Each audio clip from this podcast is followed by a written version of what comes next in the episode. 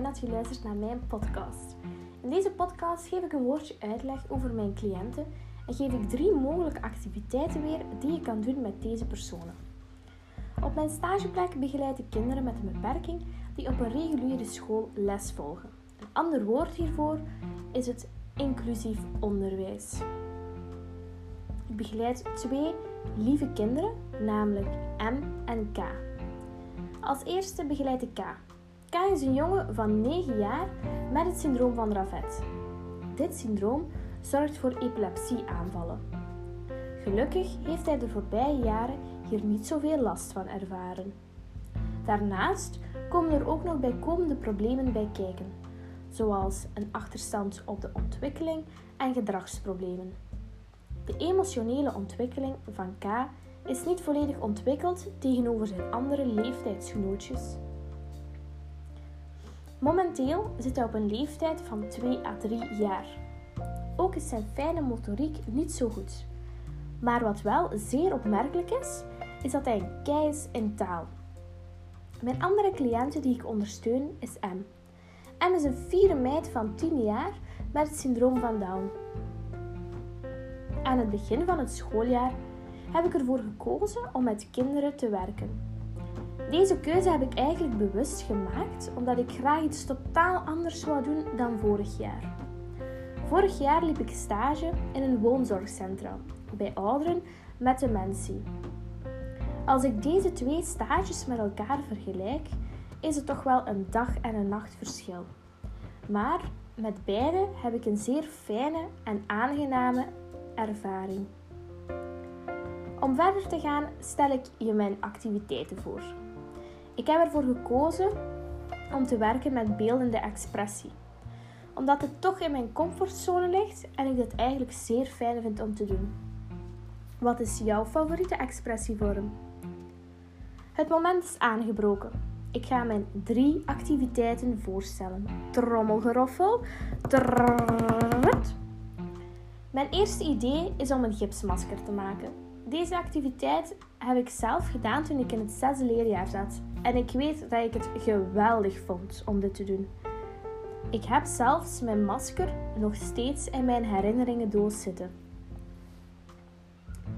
Bij deze activiteit zijn er drie grote pijlers waar mijn cliënten zullen tegen aanbotsen. Deze zijn vertrouwen, geduld en fijne motoriek. Bij de fijne motoriek zal K het meeste tegenaan botsen. M zal hier minder moeite mee ervaren omdat het bij haar meer ontwikkeld is. Beiden zullen ze wel hun klasgenootjes moeten kunnen vertrouwen. Ook zullen ze zelf ervoor moeten zorgen dat ze de anderen op hun gemak stellen, wanneer ze op hun beurt een maskertje zullen aanbrengen bij een van hun klasgenoten. Een valkuil bij deze activiteit is tijd. Een gipsenmasker maken is een lang proces die over meerdere dagen verspreid zal zijn. Ten eerste ga je het maskertje aanbrengen. Je zal hier dan eventjes moeten blijven stilzitten en wachten tot het droog is. Je haalt het masker ervan. Het masker zal toch nog enkele dagen moeten bijdrogen. En tenslotte kan je het versieren. Je kan het versieren naar eigen wil.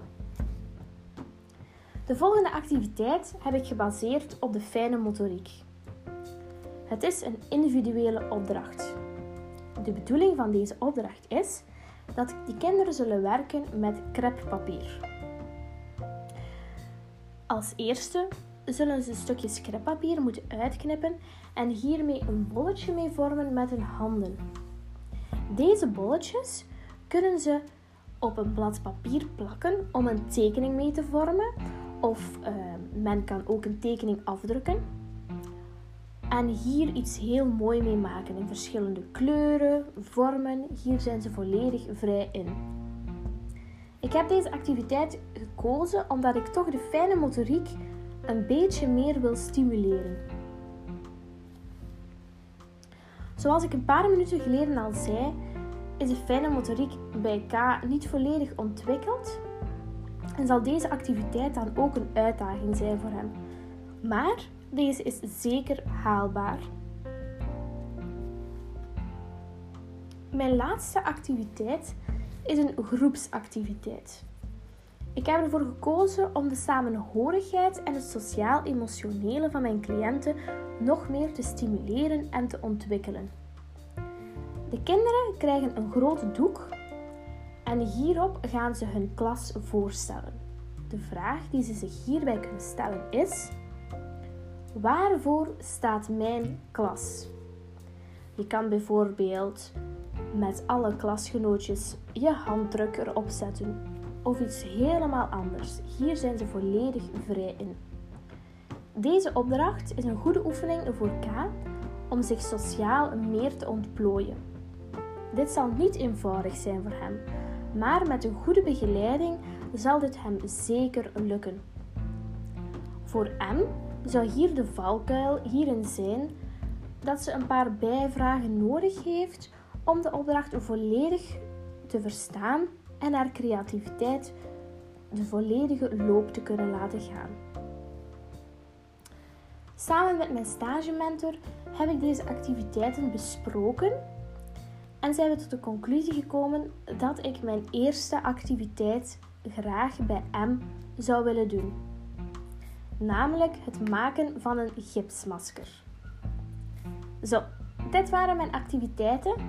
Ik ben er alleszins wijzer uit geworden. Ik hoop jij ook.